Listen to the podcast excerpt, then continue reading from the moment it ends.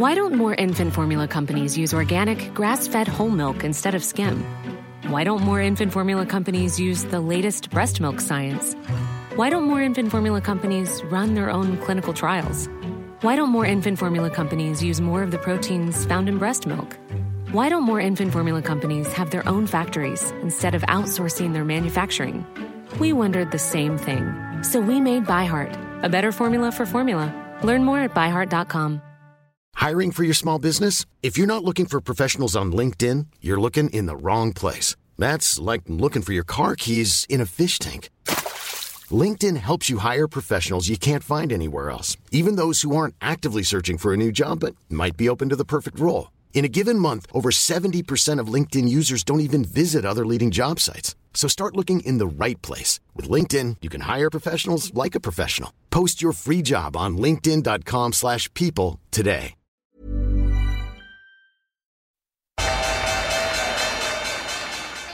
They mistook leverage for genius. Leverage for genius.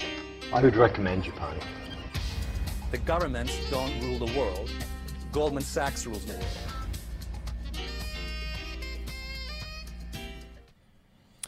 Velkommen til en ny episode av podkasten 'Tid er penger'. En podkast med Peter Warren.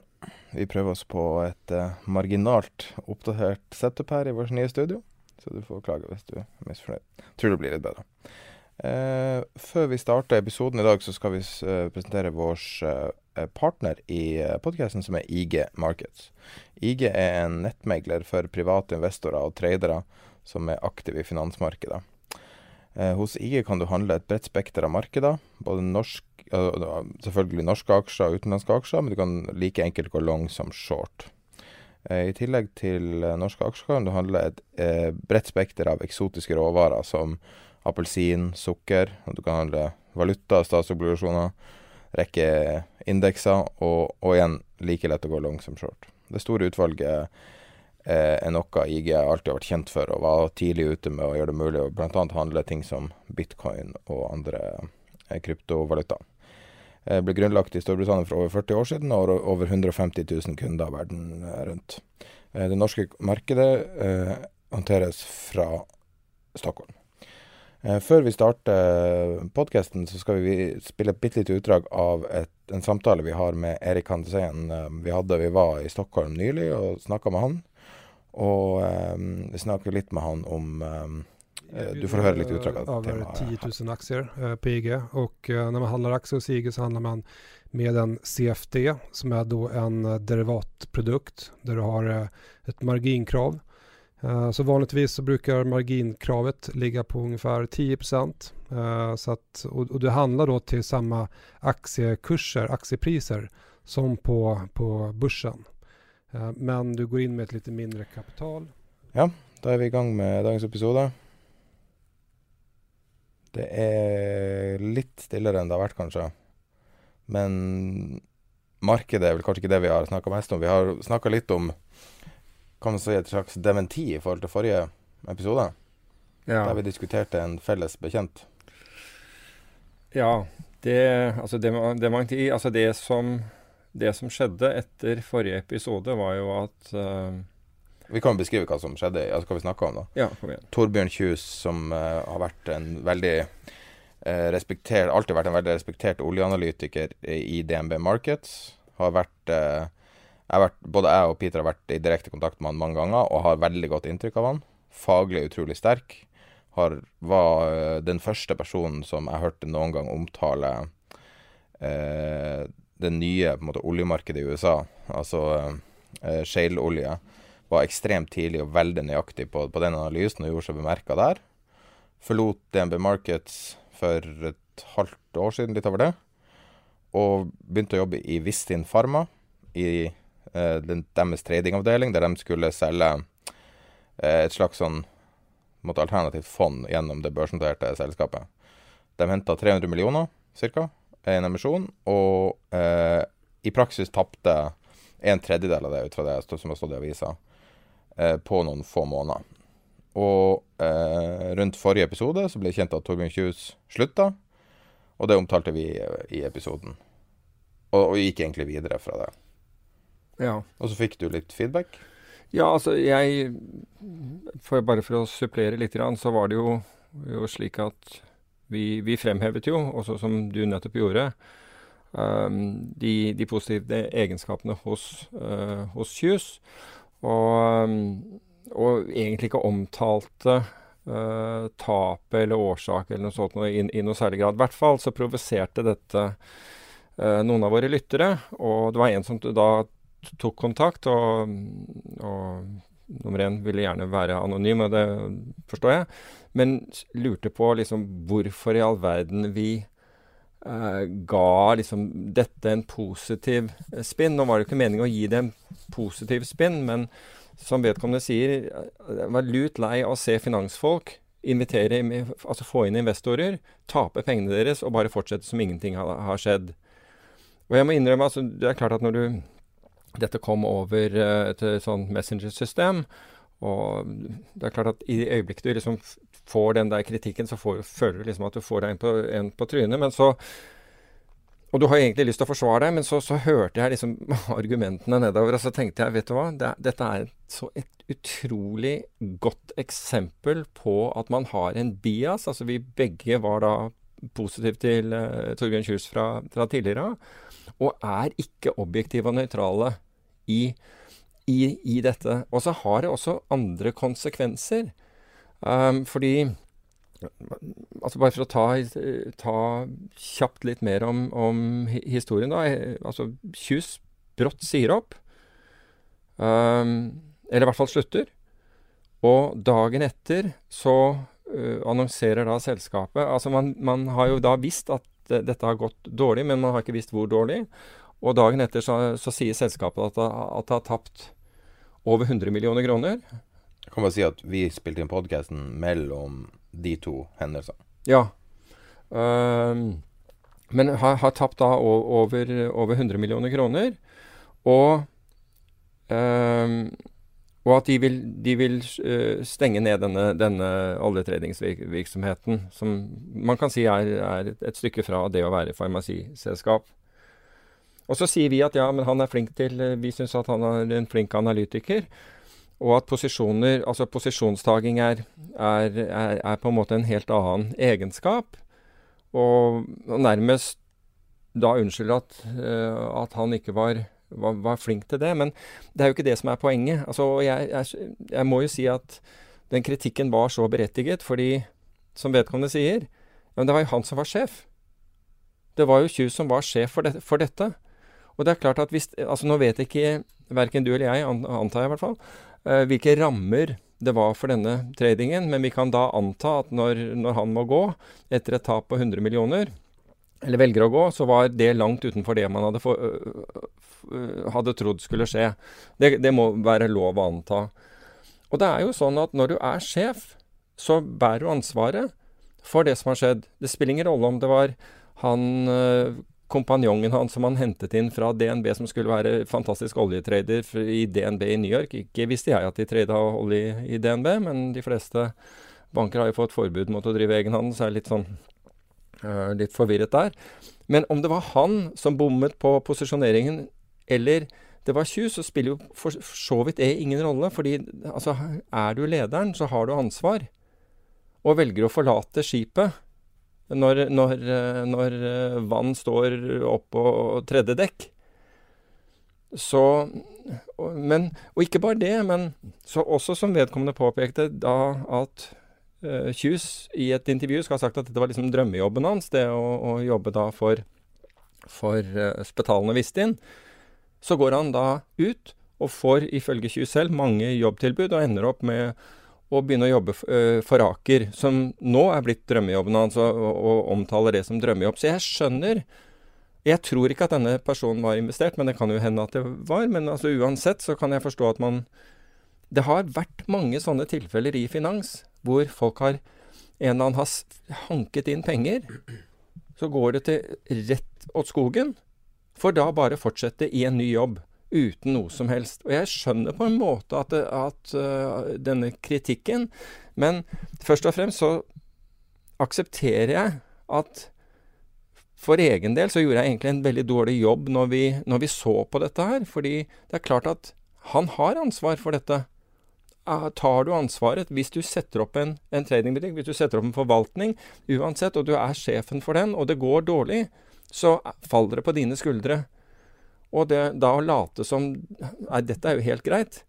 Det er på en måte ikke forenlig med, i hvert fall ikke hva jeg mener at man, man, man skal gjøre, altså for, for egen del. Um, så, så jeg føler at Uh, we stand, eller i hvert fall for egen del, I stand corrected her. Og jeg hadde egentlig ikke noe å forsvare meg med når, når, når vedkommende kom liksom med, med, argumentene sine. For jeg tenkte, hadde det vært noen andre, så hadde jeg jo påpekt akkurat de samme tingene som vedkommende gjorde. Så det var en kognitiv bi, altså sånn mental flå. Altså hjernefeil er vel litt sånn grovt å ta i. Men, men, som gjorde at jeg i, i den nærmest uh, altså forsvarte Kjus. Jeg fortsatt er en flink analytiker, men her, her gjorde man en bom. Altså. Tror du at, tror du at uh, en av årsakene til at man gir han mer benefit of the doubt, er dem man dealer med, er sånne ringrever, da, kan man si, som, som er involvert i alt, alle dealer i, i, Oslo? Altså, jeg tenker jo også det der at ved å, ved å vindicate uh, uh, som heter uh, Ved å frifinne, da, altså i anførselstegn, Kjus, så plasserer man jo implisitt skylden et annet sted. Mm.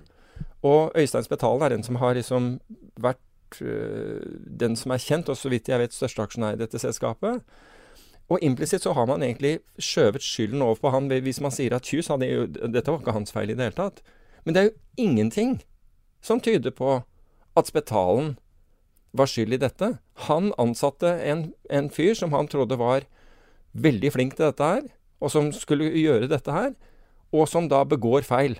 Og som da ikke har risikokontroll. Jeg tenkte først etterpå at det implisitt er hva man har gjort. Det er på en måte å, å si at feilen lå et annet sted, og da faller den naturlig på han, som da egentlig ikke har begått en feil. Han har hanket inn disse her for å, fordi, med stor tro på og sikkert blitt overbevist om at disse er de flinkeste gutta i gaten til å gjøre akkurat dette. Og så viser det seg at så ikke er tilfellet. Mm. Når du beskriver dem i meldinga de beskriver, så beskriver de jo også i relativ detalj hvordan traden er. Det er vel mulig at det er det samme de har beskrevet tidligere, men de sier jo at kontraktene eh, blir ikke Altså, de lukker ikke tradene. Og det er sannsynligvis Altså, de legger ned tradinga, men lukker ikke åpne trader som forfaller eh, desember 2020, Altså Hva det blir om tre år? Ja, altså de, de, de 1. januar 2020. Ja, det behøver, ikke å, det behøver ikke nødvendigvis å bety at de sitter til, til forfall. De, Nei, de kan de, velge andre men tidspunkter. Men det kan jo indikere at det du sa sist, der du eh, la, liksom stipulerte muligheten for at det var en, en uh, sånn custom-jobb ja. som, som, en trade, ja, at det, at det stemmer. Ja. For hvis ikke så ville de jo likvidert alt med en gang, sannsynligvis.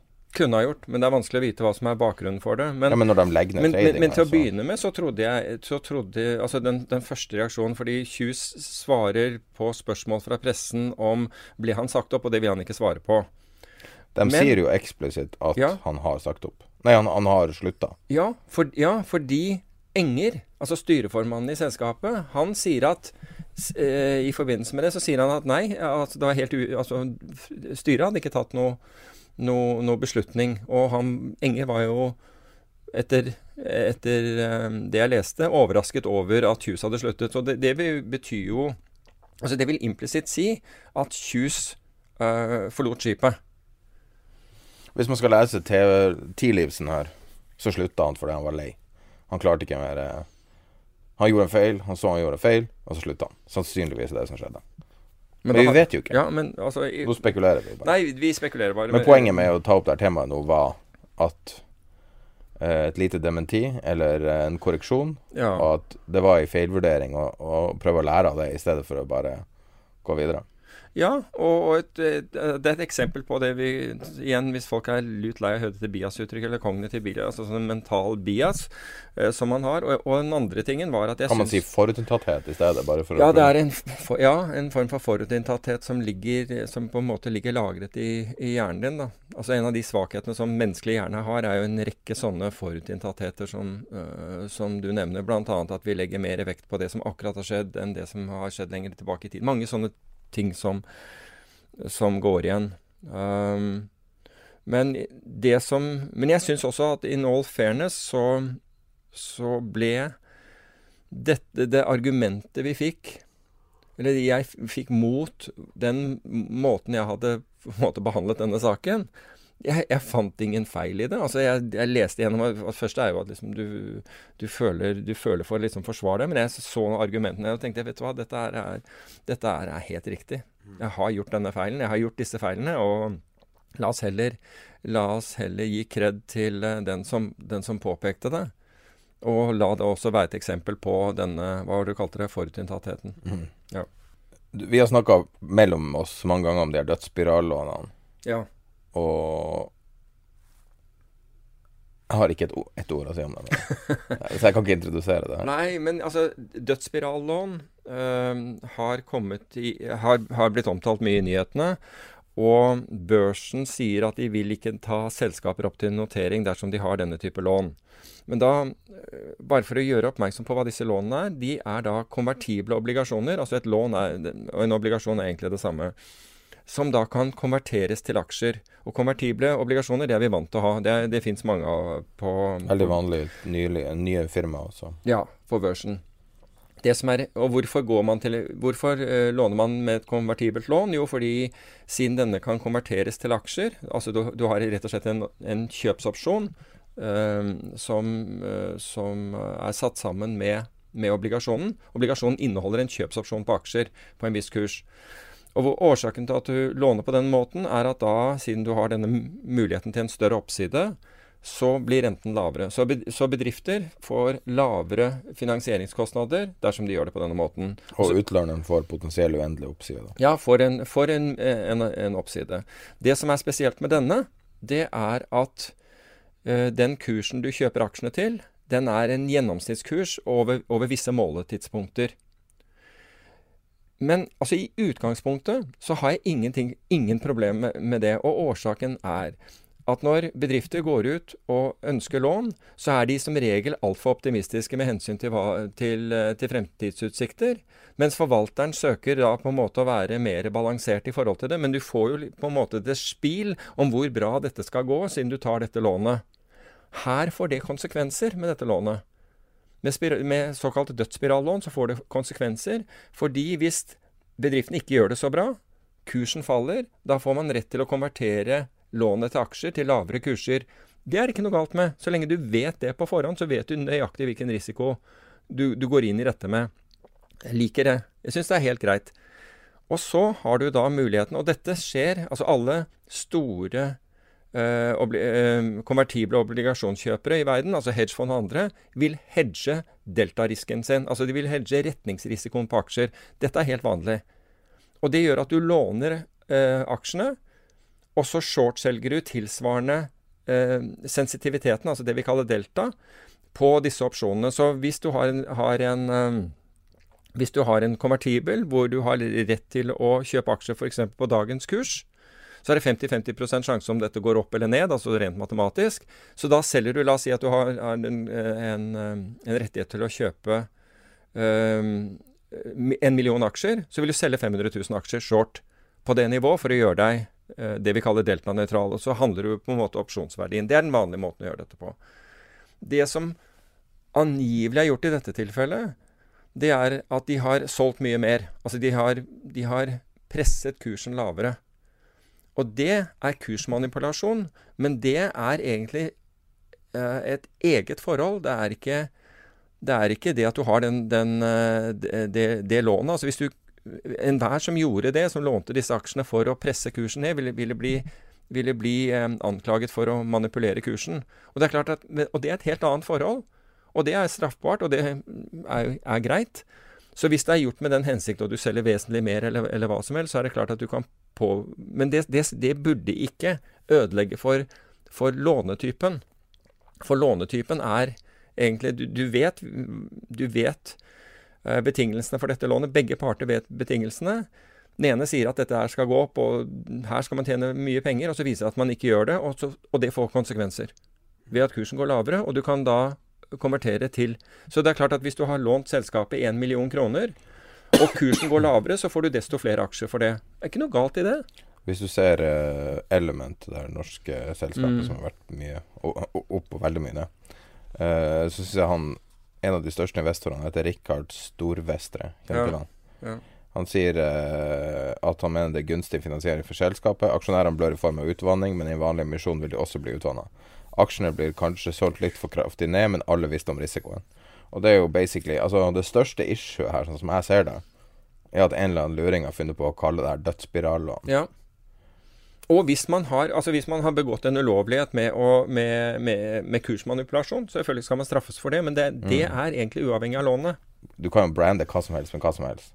Og hvis du får det her på forsida av avisen, så endrer du permanent inntrykket, f.eks. fra Finanstilsynet, som før det her ble kalt, kalt det det var, aldri ville ha slått så hardt ned på det. Nei, det, det er faktisk børsen som, som børsen, ja, som, som slår ned på det. Og, um, og, og du kan si at her, etter min oppfatning, så, så Her koster det Altså hvis du har, hvis du har for, um, for rosenrøde vyer over og forteller at du skal liksom levere mye mer enn det du klarer, så har det konsekvenser. Jeg har ikke noe problem med det, jeg. Jeg syns det er helt greit. Jeg, er fra investors stå, ståsted så koster det faktisk bedriften noe komme med overoptimistiske pr prognoser. Men det som er uvanlig her, er jo det at det, det akselererer med motsatt retning.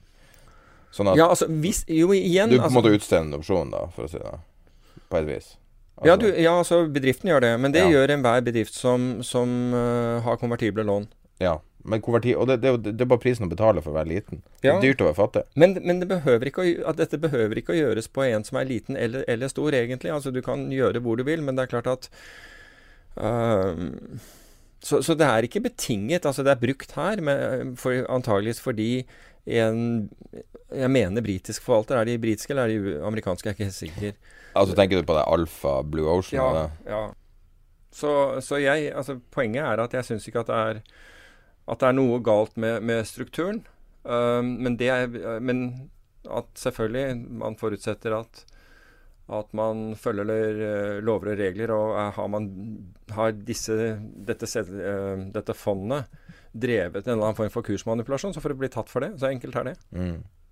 Ja, nei, men det b- bare bra kommentar. Jeg syns du oppsummerte det fint. Hvordan går det med mm, de norske hedgefondene? Du sa noe når jeg var og henta kaffe før vi starta. Forresten, skal du ha kaffe? Hva sier du? Vil du ha kaffe? Du Ja, ser tom ut. Ja. Uh, ja, norske, altså, norske hedgefond hadde jo en eh, altså Hvis du ser på indeksnivå Vi må passe på at dette er, uh, dette er Hedge Nordic da, som, som tracker nordiske hedgefond. Men norske hedgefond hadde, var jo da var jo ned i snitt 4,49% i desember. Og det er dobbelt så, så mye som, som, som noe annet land. Og på årsbasis så er også norske hedgefond i snitt ned 8,82% og det er mye Altså Finland pleier, fordi de har få fond og volatile fond, um, de pleier liksom å, å, å virkelig svinge kraftig.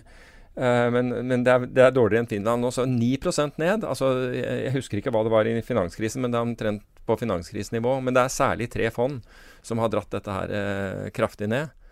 Eh, verst ute er, er er noe som heter asymmetric eh, eh, makro. Eh, men deretter så er det et volatilitetsfond, og jeg, vi har faktisk snakket om det volatilitetsfondet eh, tidligere. Uh, hvor uh, jeg mente For jeg, jeg syns jeg så det ganske greit at, av, av tallene, at det var uh, at det var, det var short volatilitet. Altså det, de, de snakket om at de gjorde volatilitetsarbitrasje. Men hver gang det fondet tjente penger, så, så Eller når fondet tjente penger, så var, eh, så var volatiliteten lavere. Er Ett fond det var ned 17,5% i desember alene. Og det er ganske brukbart. Um, det er Titan Opportunities Fond. Men det er et fond som Altså, de var ned 19% på året. Men det er et fond som egentlig har eh, Altså, har, altså du, du har tidlig tildeling i, i, i selskaper som, som Trøim står bak. Um, det høres ikke veldig Altså, det høres jo ganske smalt ut, men uh, det er jo ikke det man sier at man gjør. Men i, virk, virkeligheten så er liksom avkastningen kommet fra, fra, fra stort sett to aksjer. Og det er klart at når en av de virkelig snudde nedover, så, så gjorde det vondt. Men så- hedge, liksom. Hva sier du? Ja, they forgot to hedge. Ja. Så du den tingen jeg delte på Facebook-gruppa apropos hedge? Jeg visste ikke hvordan jeg skulle ordlegge meg helt. Det at um, Lance Armstrong, hele hans, formue, hele hans familieformue, eller hva man skal si, ble redda av ei investering på 100 000 dollar i et fond som eide Mesteparten av fondet gikk til å eie Uber. Tidlig, Mm. tidlig, tidlig. Så han er en av de første, indirekte en av de første investorene i Uber. På 100 000 dollar. Og Wow. det her ser du Her ser du virkelig effekten av differensiering. Altså Ja, ja. diversifisering, mener jeg. Eh, der eh, Han putta 100 000 dollar i fondet til eh, Chris Sacca. Han er sånn super-insider i Silicon Valley. Mhm. Og å få access til den første runden, første eller andre runden i Uber var jo, er jo så godt som umulig. Da må du være så innsider. Og, og Lance Armstrong gjennom fondet var der, og nå er den verd ehm, ja, var, han, det, han investerte 100 000 dollar, han vil ikke si hvor mye det nå, men altså Man skulle jo tro at det er mer verd enn alt han har tjent på sykkel og alt nå, på 100 000 dollar. Men, men det, er jo, det er jo de som sier at, eh, at uh, du kan ha alle eggene i én kurv, men da bør du passe godt på den kurven. Og det er jo litt sånn. Altså du har den derre ene saken. I rette tilfellet så kan det godt hende han ikke så på kurven i det hele tatt og bare ble veldig overrasket. Men jeg bare syns eh, det var en litt sånn gladsak om Lance Armstrong. Det er jo ikke alltid det man forventer å se.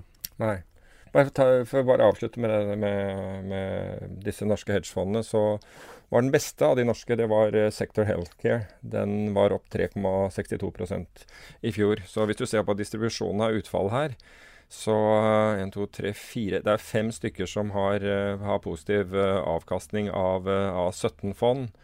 Og som sagt, de tre nederste er ned 18, eller 19% 18,92 22% og 39,81 det, Hvordan går det med aksjefondet? De hadde selvfølgelig en bra start på året, de fleste. Så Ja, det tror jeg. redd, Altså, redda inn eh, årsresultatet, sannsynligvis. mm, ja, men de redde- ikke inn eh, 2018, fordi 2018 endte Altså, hvis indeksen var ned, så Ja, det er indeksen var ned, men, men likevel, det kunne ha vært så inn i helvete mye verre hvis, hvis de ikke hadde oppturen på starten av året. Hvis oppturen skjedde i fjor, Mm, sånn som fond tenker Fond tenker jo i år for år. ja, ja. Derfor er det masse aksjer spiker rett før jul. Ja. Mm. Men jeg tror, det, altså det, jeg tror det var veldig mange fondsforvaltere, og det nevnte vi eh, også sist, som ene eh, båt effing dip. Hver gang eh, kursen gikk ned, så, så kjøpte de. Og det så vi av kommentarer.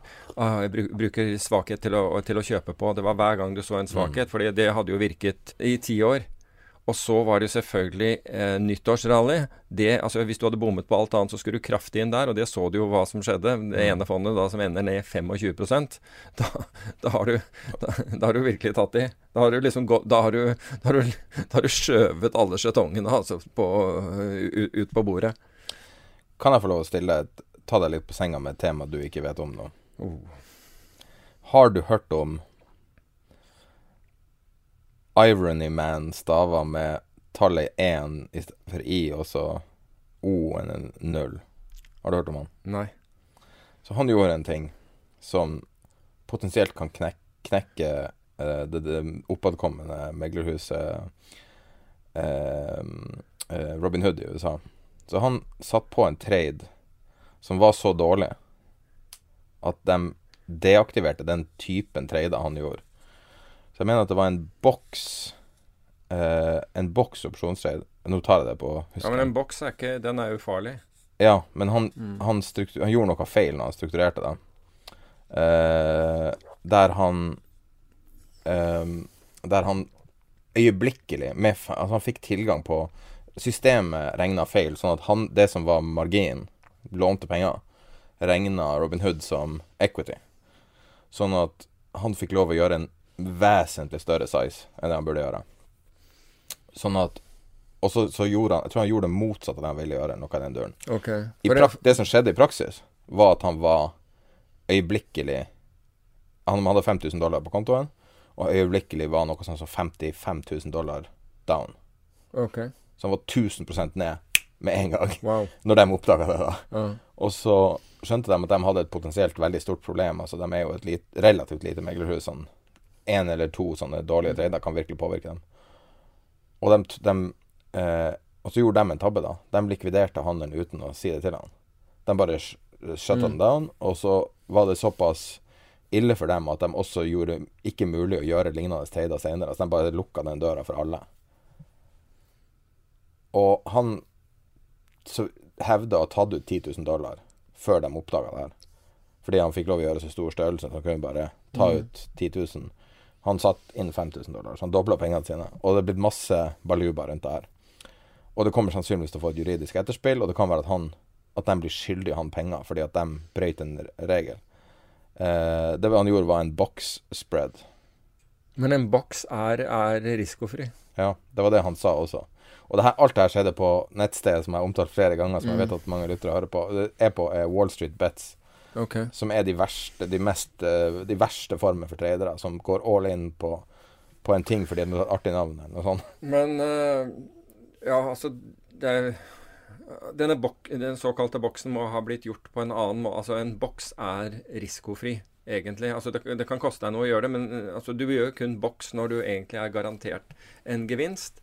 Eh, en boks er, er, er du garantert Altså Hvis du gjør en boks, så er du garantert en profitt. Altså Enten legger du inn i boksen ved at du har, du har uh, Altså En boks består av fire ben, og at du har to av bena allerede, og så ser du en mulighet nå til å, til å, til å lukke den. Og så lukker du den med to andre ben, og så er det plutselig Det er, det er ikke noe mer. Altså Det er ikke noe mer risk i denne her. Uh, så jeg velger vel å tro at han har kalt det en boks, og så har det vært noe helt annet han har gjort. Men det er jo rart at marginsystemet og det, det, det høres ut som det er en flå i marginsystemet til, eh, til Robin Hood, som har tillatt å gjøre dette her. Fordi egentlig så de fleste meglere vil jo være hysterisk glad hvis du, for hvis du er en eh, retail-kunde og gjør en boks, så skal det mye til at du klarer å tjene penger på det, men det blir mye kurtasje av det til megler.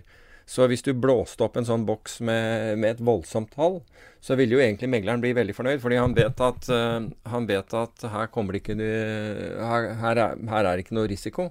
Så her er, så er, det er et eller annet sånn definisjonsspørsmål. Jeg tipper at det er et marginsystem som uh, Enten at boksen som Altså, jeg, jeg, vet ikke hvordan han kom på en boks, om du kan gjøre en boks direkte på det, dette systemet som en boks. Det, det fins øh, handelssystemer som tillater deg å konstruere disse, altså hvor du sier at jeg skal ha en, en vertikalspredd, eller jeg skal ha en kalenderspredd, eller noe sånt, og så får du pris på den, og så gjør du den. Og så har han kanskje sett at oi, jeg kan gjøre en boks her hvor jeg tjener penger. Og så har den boksen vært feildefinert i deres system, slik at den faktisk har risiko. Da Men, da, men, men ellers så, så, er jo det der en trade du ikke skulle kunne gjøre noe, noe ordentlig gærent på. Ja. Så eh, det var, jeg ville bare ha de, de, din spontane reaksjon på det. Ja, altså min, min, spontane reaksjon er at dette her ikke var en boks. Det er min spontane reaksjon på det. Ja. At det bare ble kalt det. For å være helt ærlig så er det litt vanskelig å finne tilbake til alle detaljene rundt det, fordi at det er så mye vitser rundt det. Okay. Han her karen er blitt internasjonal okay. kjendis pga. det. Men det er klart at i vår, i vår digitale uh, hverdag, altså hvor veldig mye nå gjøres ferdig, altså gjøres digitalt, du kan bare trykke og be om spredder og alt mulig, så er det jo mulighet for feil. Og det så du jo med Night Capital, ikke sant, som som er beskrevet i boken 'Nightmare', men denne gangen med K-N-I-G-H-T. 'Nightmare on Elm Street'. Oh, ja, altså Hvor de blew up i løpet av en dag. Altså i løpet av noen timer, fordi et eller annet gikk galt. Hva var det nå? Det var 2012-13? Ja, noe sånt noe.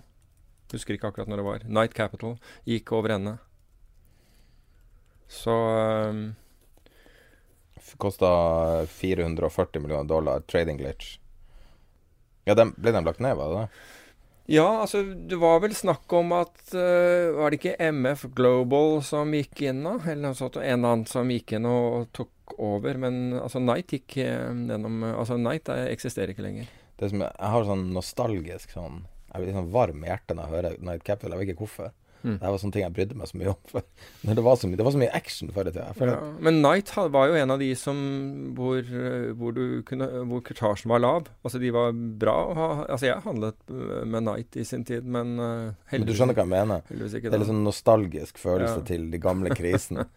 Nå har vi liksom Ja, da volatilitet var volatilitet. Nå har vi option Og risk var risk. Nå har vi optionsellers.com ja. og Irony, eller hva det heter. Det er liksom ikke helt den samme sjungen på det. Nei, jeg er enig i det. Jeg er enig i det. Nå er det liksom sånne YouTube-skammere og sånt Ja. som er igjen. Ja. Eh, nå har jeg bevisst ikke spurt om hva det er, så jeg vet ikke utfallet av det her. Du sa du hadde fun facts om Jeff Bezos. Ja, altså du brakte jo inn Jeff Bezos forrige gang, fordi mens vi sitter her, så kommer, eh, så kommer uh, nyheten om at uh, han og Er det ikke Er det McKenzie, kona hans heter? Mm. Skal skilles. Og Jeff Bezos er, var da er, han USAs rikeste? Han var nå verdens rikeste. Ok, ver verdens rikeste, ok. Men ok, og, og fun facten om, om, hvor kom han fra før han startet da sitt uh, Han kom fra hedgefondet DE Shaw. Ah. Så Og hva kan man Altså de Ja, ikke sant? Et av, et av verdens mest kjente kvantitative hedgefond. Han, Jeff Bezos jobbet der. Wow. Og, og, og det er jo en annen fun fact om DE Shaw er at det har skapt fire dollarmilliardærer, hvis du tar med Bezos. Så David Shaw selv er blitt eh, dollarmilliardær. John Overdeck og David Seagull er de to, to, andre. De startet hedgefondet Two Sigma, som er også et kvantefond. Mm. Men de Shaw altså de, de, startet i 1988 med, med seks mennesker og 28 millioner dollar under management. Og i dag er det 1600 eh, mennesker ansatt. De har Jesus. kontorer i, over hele verden. Altså Shanghai, Hongkong, Boston. Det Hovedkontoret er i New York, London. Altså de er over hele verden. Um, Kjempehedgefond som veldig få egentlig i Norge har, har hørt om. Hm. Så um, Det er et sånn klassisk navn som, som må være vært i bakgrunnen. Ja, de så, ikke sant. Og i uh, Hva var det i Jeg tror det var 19 var det 97, så tror jeg at eh, han kjøpte ut mange av eh, investorene for å få større andel av det selv. Bank America gikk inn med 1,4 milliarder dollar. Og så kom det 98. Da tapte de kraftig på Russland-krisen. Uh, men kom seg fra det. Så Og i fjor så var de, var de opp tosifret. Så Han har en personlig formue akkurat nå i henhold til Bloomberg på 5 milliarder. Jeff Bezos er ganske suverent på førsteplass. Er han? Ja, ah, okay. Jeg visste ikke at han var så Han er 140 milliarder dollar i formue akkurat nå. Bill Gates er nummer to, nesten halvparten. 95 milliarder. Det som er kult, er at Bill Gates holder seg der, altså. Men en annen, en annen kul ting med, med, med, med David Shaw og, eh, var at Lehman Husker du Lehman kjøpte jo opp masse hedgefond i 2007. De kjøpte 20 av de i Shaw. Okay. Uh, før, før Lehman gikk konkurs, så gjorde, gjorde de mye rare ting. De kjøpte, flere, kjøpte seg inn i en rekke hedgefond. Og den andelen som Lehman kjøpte, den ble i to, Vet ikke hvorfor det tok så lang tid, men i 2015 solgt til Google Founders Family Office. De har vært flinke til å ivareta pengene sine, tydeligvis. Det er 1 %-greia tror jeg er noe i, altså. Ja, ja. Det, det, er ganske lett når du først har den første millionen å tjene en til, men det er djevelsk vanskelig å tjene den første. Altså. Ja. Det er the uphill. For øvrig, en, uh, just a quick another fact om uh, de show.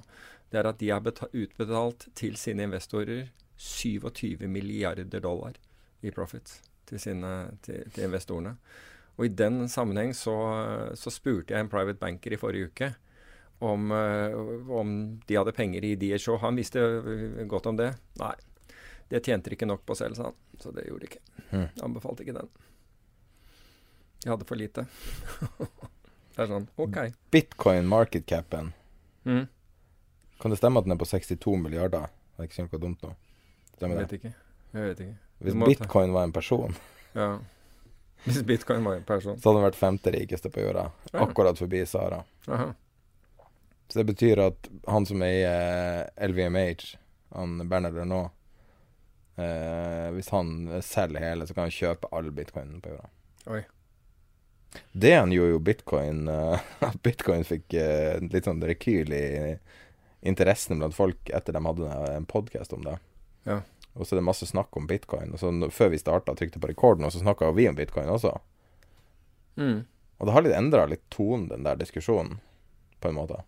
Ja, altså jeg nevnte jo for deg, og det, det er at uh, fordi man, man, sier jo at alt dette her er, det er ikke verdt noe som helst å bortkaste hele greia. Men blockchain, altså har da altså, Og blockchain har jo vist seg å, å fungere. Og så sier mange ja, men du får ikke gjort noe særlig transaksjoner innom. Men HSBC, altså Hong Kong Shanghai Banking Corporation, annonserte i forrige uke at de har gjort trans transaksjoner tilsvarende 250 milliarder over blockchain. Mm. Så mens alle sitter og sier at dette her er bortkasta Og som sagt, Statoil har uh, gjort uh, slutninger over det, og forskjellige andre, eller Equinor som det nå heter. Um, så foregår en, en, del ting i bakgrunnen her, helt klart. Eh, og det at, altså, vi diskuterte det her på telefonen en dag.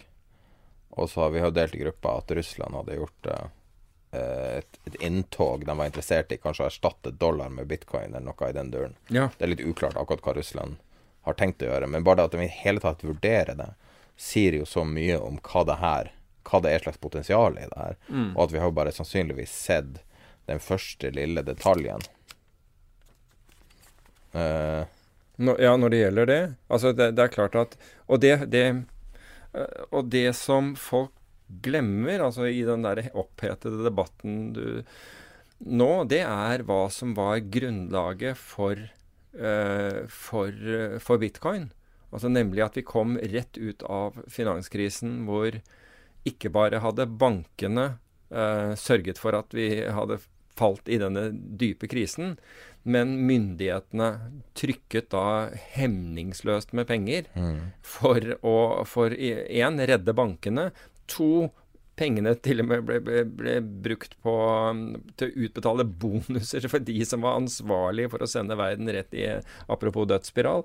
Uh, og, og, at denne, denne, gale pengetrykkingen, altså uten verdi, altså som da utvannet på en måte alle valutaer uten at du kunne se det reflektert i kursene. Den galskapen som, som, var, og den mistilliten som var til både banksystemet og ikke minst til myndigheter, det var jo det som var grunnlaget for, for, for dette.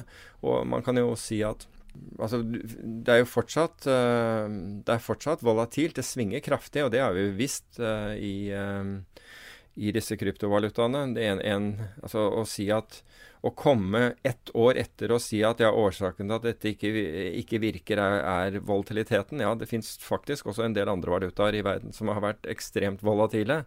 Men vi må se hva som er forutsetningen og hva som er målsetningen til disse, disse valutaene. Og i forbindelse med det så ble det skrevet en veldig god synes jeg, artikkel. Så jeg dessverre jeg husker ikke hvem som skrev den i farten. I DN. Jeg tror jeg sendte den kan, til deg, så du kan uh, kreditere den som har skrevet den. Nikolai Johan Hed, uh, Heum. Ja, som både nevner Finstart Nordic. Ja, nettopp han.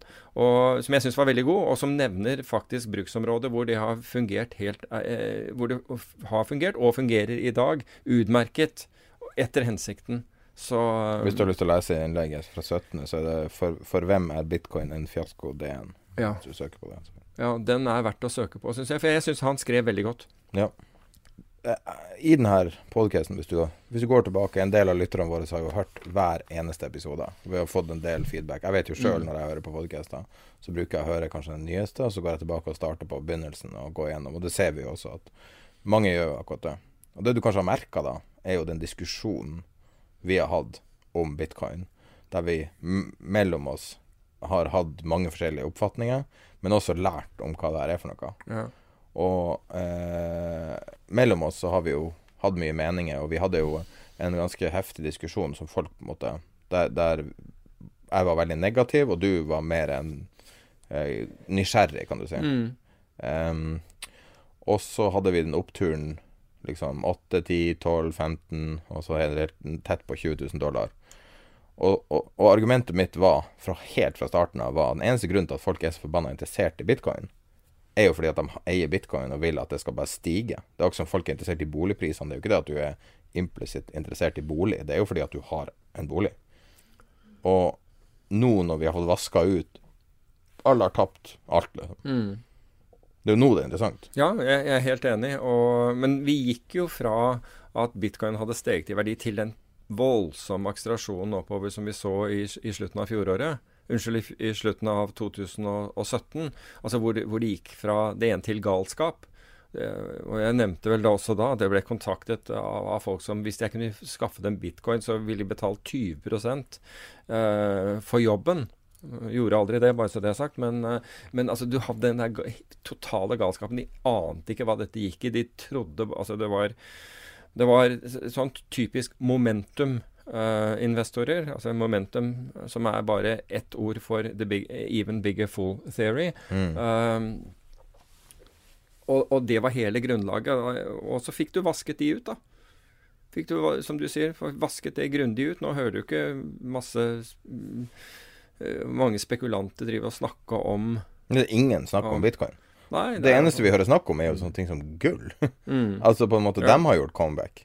Fordi at og, og, jeg føler jo at mange av dem som sa de satt og trada bitcoin, egentlig bare kjøpte bitcoin og satt og heia på det hele veien opp, de har nå gått over i andre produkter. Og du har jo sett en vanvittig eh, oppsving av folk som tar spekulative posisjoner de siste året, og jeg tror at det er Altså, min personlige teori har hele tida vært at, at liksom eh, inngangsbilletten var bitcoin og så går det over til ordentlig finans. Ja, men altså, da kom det jo inn i ordentlig finans på dårlig tidspunkt også, fordi uh, jeg, jeg, møtte med noen hedgefond i, i, forrige uke, og en av de tingene som, som, de snakket om da, og jeg har dessverre ikke den rapporten fra, fra Morgan Stanley som snakket om den enorme deleveraging, altså hvor, hvordan de måtte altså, bare hive kortene fordi de, så, de, de, hadde så høy belåning.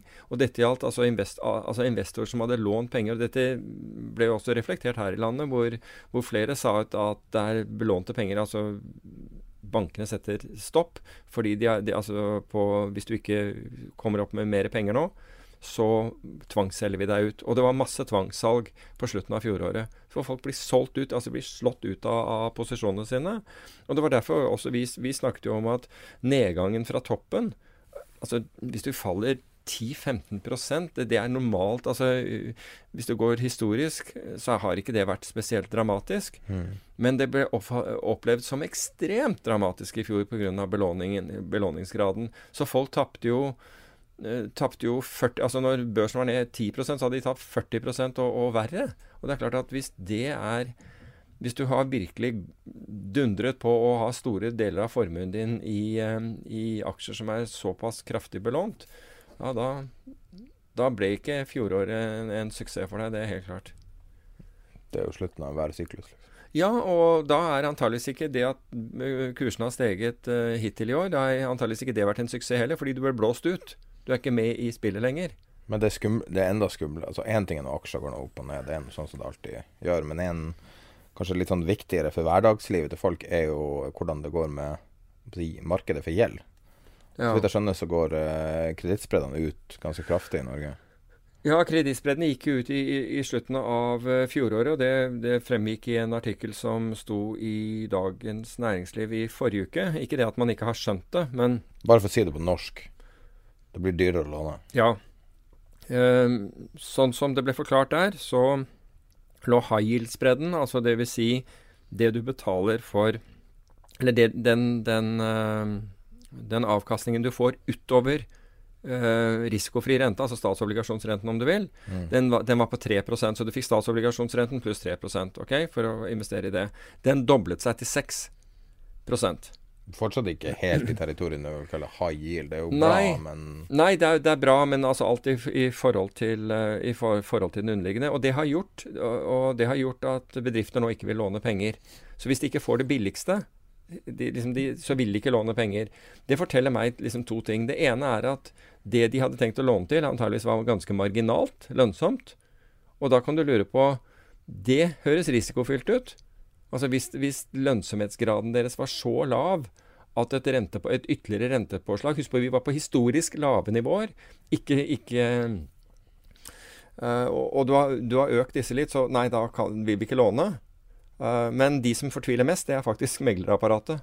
For de mm. har jo tjent vanvittig på utstedelser av dette. Går det an å shorte Nei, på, på utstede disse Går det an å shorte dem? Hvem er det du kan shorte? Du kan shorte kanskje ABG Sundal, er vel det eneste. Sånn. Ja, Nå vet jeg ikke hvor store de har vært. Er ikke den børsnotert? Jo, de er børsnotert. Men jeg vet ikke hvor, vet ikke hvor uh, store de har vært. Ja, det er jo DNB også, men det gjelder jo hele banken, og ikke bare meglerforetaket. Jo, men Markets er jo på en måte den marginale inntekten deres. Det er jo mm. en betydelig del av miksen. Men de var bl.a. også de som gikk ut og sa at det var veldig lav aktivitet nå, og de ja. håpet på at aktiviteten skulle øke.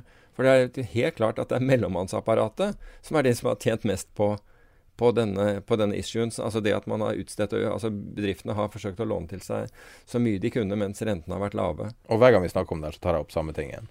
Norwegian. Ja. Kapitalintensivt selskap.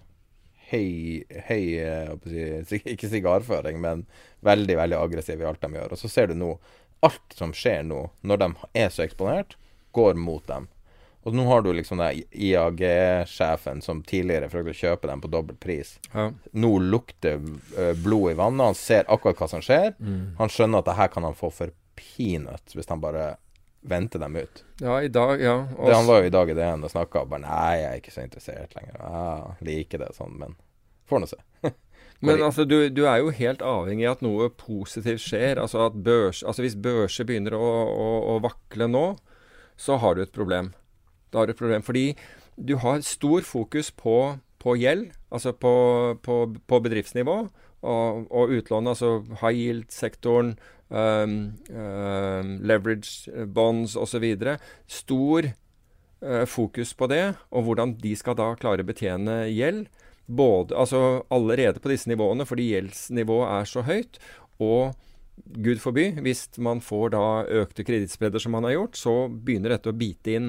Så, så kreditt, eh, altså kredittobligasjonsmarkedet, eller, eller, gjeldsmarkedet Nå har du altså forside Forside, faktisk, as we speak, på Financial Time. Debt machine are risks piling up in leveraged loans? Uh, spørsmålstegn.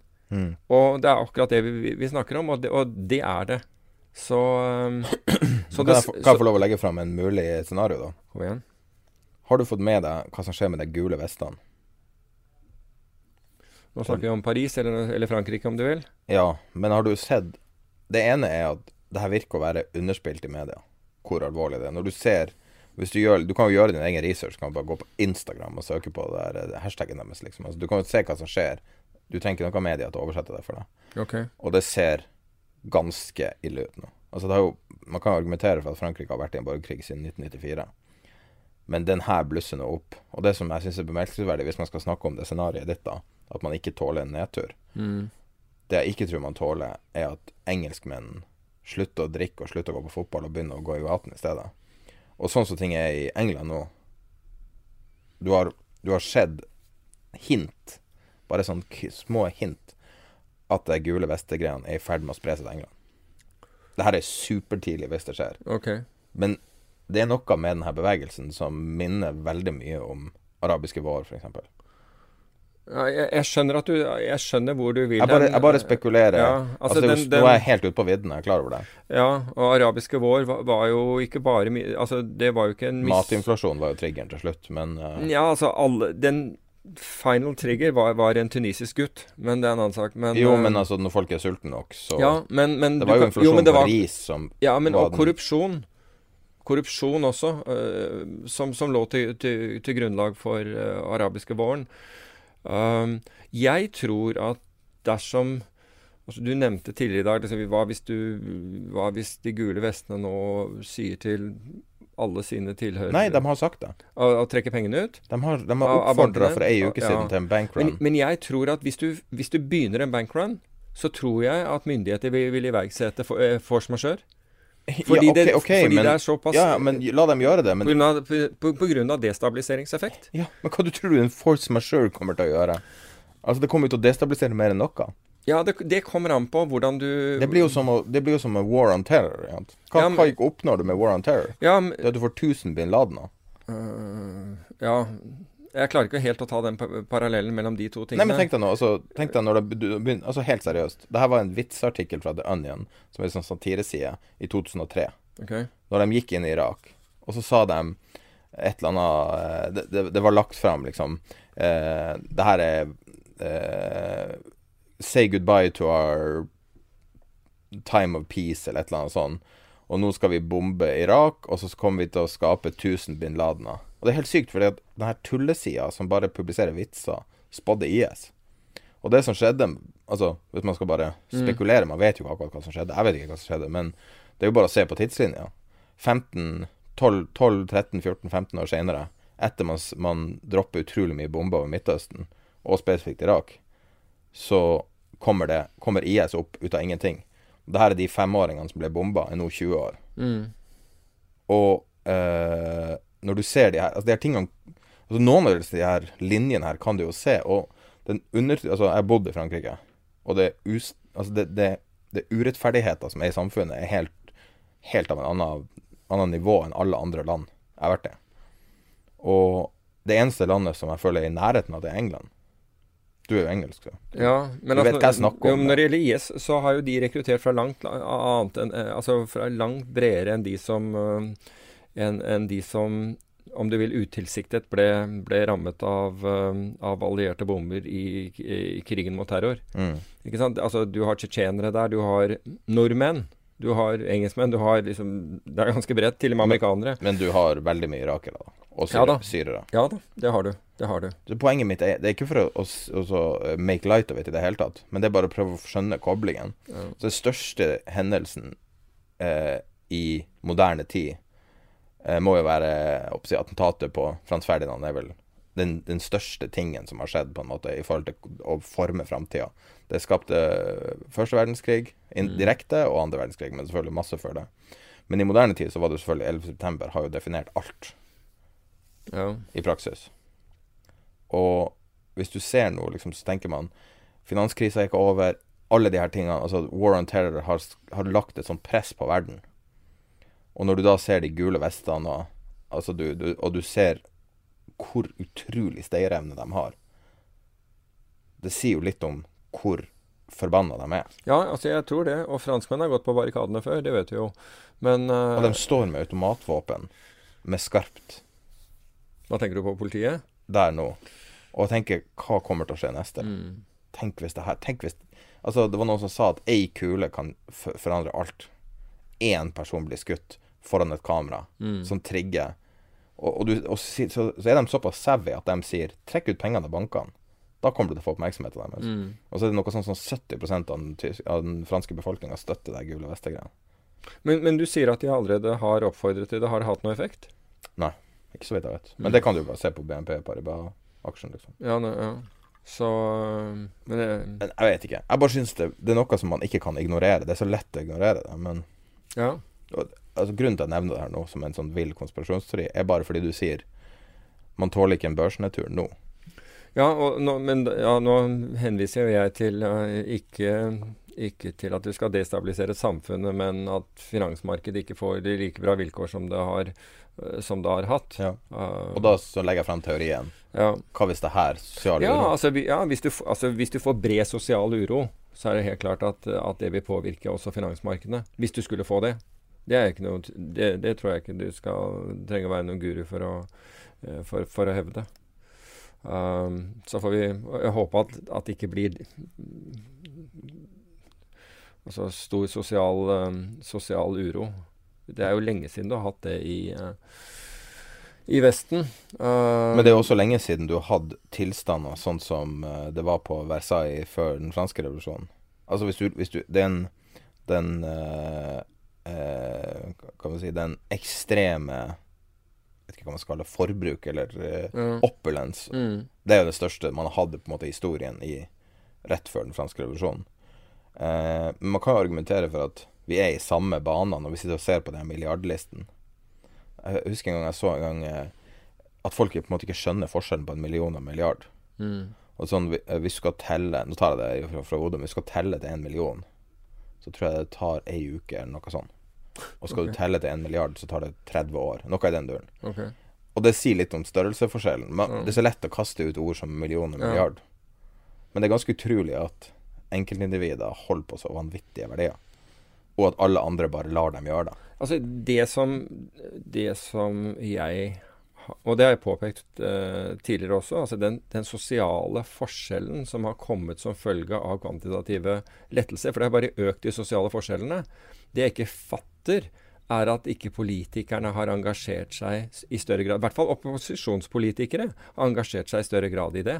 Tror du de en gang i hele skjønner hva som skjer? Jeg vet ikke, men altså når du pumper inn penger som, øh, som øh, i, i hovedsak um, tilgodeser de med formuer, for det er de, som, er de som tjener penger på dette her, altså børsoppgang og, og, og, og fallende renter. Um, er, For meg er det helt utrolig at det der altså, du, Og du ser de sosiale forskjellene eh, øke. At ikke opposisjonspolitikerne har tatt tak i det, er eh, et mysterium for meg. Hadde noen spurt meg på forhånd hva vil være konsekvens av det, så hadde jeg jo sagt at det der kommer ikke langt. Før noen reagerer og sier at dette her skal vi ikke ha noe av. Men man altså fra finanskrisen eh, Altså fra andre halvdel av 2008, eller tredje kvartal Ja, ja. 2008, eh, så, så ble det jo Altså så iverksatte man jo tiltak, nødtiltak, men som da stadig ble gunstigere og gunstigere eh, for de som hadde stått bak eh, stått, stått bak, rett og slett, og vært årsaken til krisen. Det er, det er helt utrolig. Altså, Men i perspektiv, i perspektiv F.eks. TARP, som var på 600 milliarder ja. ish. USA betaler mer enn 600 milliarder i året nå i rente i mm. året. Mm. Ja. Større enn TARP. Og det var jo så stort at det var ingen som klarte å akseptere det. Men, må, men, men, men TARP var jo spesifikk, ikke sant? Jo, men likevel, altså. Det presset, det vanvittige presset ja. som gjeld er. Gjeld er jo en helt sånn Det er en helt sånn altoppslukende, altetende altså, maskin. ja, men er det det når du bare sitter og trykker penger, da? Jeg vet ikke. Er ikke det sånn det er i familier som har mye gjeld, at de krangler mye? Jeg mener det. Altså. Jeg, jeg, jeg, vet ikke. De store formuer Formuer gjør vel heller at man krangler enn en, en, akkurat gjelden. Det vet jeg ikke. Men, øh, men jeg, jeg, vet ikke. Altså, hvis du, hvis du hadde hatt gjeld til langt over det du kunne betjene, men du samtidig hadde hatt en kopimaskin hvor du bare kunne trykke ut penger, så hadde du vel ikke vært så veldig bekymra? Altså hvis ikke, hvis ikke inntektene dine uh, kunne holde uh, var nok til å betale den gjelden du hadde, men du hadde en kopimaskin ved siden av deg som du bare kunne sette i gang, og så kunne du bare ta ut av den ene skuffen, og her har du renter. Det er, det er, det er den absurditeten rundt det. Ja, men på et eller annet tidspunkt kommer den og tar den kopimaskinen fra deg på et eller annet vis. Og, ja, og du ja. Altså, du eh, Ja, men det er ikke altså, altså, Du har jo lånt Altså, den største låntakeren, eller største långiveren til USA, er jo Fed mm. som er rimelig vanskelig å get your head around. Ja. Oljefondet hadde et, et seminar om dette her, eh, altså NBIM, her for to uker siden, tror jeg det var nå. Uh, om, om, alternative reservevalutaer. Og man mener at det er jo altså det nærmeste vil være euroen. Altså Kina, uh, yuanen er langt unna. Mm. Uh, men, men, Europa, er, altså euroen er fortsatt ikke aktuell. Så, så, du kan si fra USAs ståsted så er det ikke noe fare for at de plutselig Hei sann, nå går alle og og forlanger at eh, lån skal konverteres til en eller annen valuta, f.eks. Helt til eller, de plutselig sier, sånn som vi har lagt fram den sykeste konspirasjonsteorien, som basically én mann står bak, han som skrev Liars Poker, som er USA plutselig bare sier 'vi betaler ikke'. Ja. Fuck you. La, ikke det, la ikke det være siste ord i, i, i, i, dag, jeg har et spørsmål til deg. Jeg leste avisa her i dag. Ja. Så tenkte jeg Du er jo ganske stor blogger. Var du invitert på det der uh, Vixen Influencer Awards? Nei, det var jeg ikke. Det var jeg ikke. har de en økonomikategori? Det, det har de kanskje ikke. ikke. Det hadde vært så artig hvis det var på det. Går det an å lobbyere for å få en sånn For da, det er vel stort sett du som blogger om økonomi, du og Trym Riksen og ja, er, ja, men gjør, han Jan Andresen Janne. Andreassen unnskyld, gjør det, ja. Uh, jeg mener det. Fordi det, det, var en eller annen som henviste et eller annet sted til, til Jans blogg. Så da går jeg ut fra at han, han, gjør det. Du kan kanskje bli kategorert årets influencer beauty? Neppe. Neppe. Ok, nå, nå, skal jeg Vet ikke om du ligner veldig mye på Jeg har sagt det til deg før. Uh, nei. Han, høre, han som drikker så mye i Mad Men. Å, takk skal du ha. Men nå, nå, har, nå, har, ikke jeg sett Mad Men sånn nok til at jeg, jeg husker Nå skal, Jeg jeg vil ha det her ut uh, Jeg vil ha det dokumentert. Jeg skal vise det. Jeg visste han før. Han uh, Mack, ikke han uh, Don Draper, men han andre karen. Han heter Roger Sterling, han som er eieren. han. ok. okay. Ja, jeg, jeg, jeg, har sett ansiktet hans før, men jeg Sånn, nå er det ute der. Men, jeg føler ikke at jeg ligner på han, men det, det, det er greit. Men, eh, men, kan jeg En liten nyhet som er litt på sida av dette her. Okay. Og det er at øh, øh, prisen på, på leiligheter i London er nå på det laveste siden 2015. Hmm. Men for å hjelpe på det, så kom Ken Griffith, som er da sjefen for Citadel, inn og kjøpte en bolig i nærheten av Buckingham Palace for 95 millioner pund. Jesus. En milliard kroner. Ja. Så Ja. Så han har sikkert retta litt på inntrykket. Men det var jo for øvrig London var et sånt sted hvor man Nei, eiendomspriser det kommer aldri til å falle her. Aldri. Årets business. Ok. Det er noe som heter Årets business på Vixen eh, Awards. Men det er jo fotballfrue og det, Så jeg vet ikke hva business betyr. At de tjener mest penger, kanskje. Um, vet ikke. Der kunne du vært nominert. Årets business. Ja, det står det. Vi kan ha sånn eh, På, på YouTube så har man noe som kalles collabs. collabs. Collabs. Som er collabs, kanskje. Uh, som er at man eh, Man går sammen med andre for å bygge hverandre sin merkevare opp, og så går man på hver sin sånn YouTube-kanal. Og så, he så hever liksom tidevannet begge Aha. to. Uh, så du kan kanskje collabe med en uh, kjent uh, sånn eh, livsstilblogger eller noe. Det, Har du den- fått forespørsel om å være med på den TV 2-serien som heter Bloggerne? Nei, jeg har, heller, jeg har heller ikke sett den. Jeg visste ikke at det, at det eksisterte engang. Uh, men kan jeg ta noe mer jordnært til finans, så er det Buzzin Analytics som nå har, eh, har eh, gjort en lang studie, eh, sier de selv, og har kommet til at forecasters, altså, uh, altså analysts som forsøker å lage forecast på, mm, på femårssikt, altså på en femårs tidshorisont, er useless absolutt useless. De har ikke funnet noen signifikant uh, eh, mellom resultatene de har kommet til, og det, og det den virkelige verden har gjort. Så, men så leste jeg her, det var jo i forbindelse med Mifid. Det var en sånn derre hva som hadde skjedd etter Mifid 2. Og, det er, og mange hundre analytikere har fått, uh, fått sparken som følge av at det ikke var noen som var vi- villig til å betale for analysene deres. Hæ. Les markedsføring. Markedsføringen deres, for de aller fleste har det. Men jeg er sikker på at de som er flinke Dette er bare en måte å få skallet av av det som ikke er bra, av det som bare har hypet ting. Jeg sant? Torbjørn Kjus, som jeg fikk eh, jobbtilbud på dagen. Det er åpenbart at folk vil ha den. Ja. Ja, ja. Som vi starta med, så kan vi bookende den her litt. Bookende med tjus. Ja. Ja. Nei da. Men eh, jeg tror du må dra nå. Ja. Hvis du skal rekke det. For øvrig så neste episode kommer til å måtte spilles inn på den Altså ikke på tirsdagen, fordi jeg kommer tilbake fra USA den, på morgenen den dagen. Ja, det er greit. Da er det det Vi hadde om det møtet, det der eh, Så kan du fortelle oss alle hemmelighetene fra The 1 Ja, det kan jeg helt sikkert gjøre, fordi det er finans det, det dreier seg om i, eh, i USA. Supert.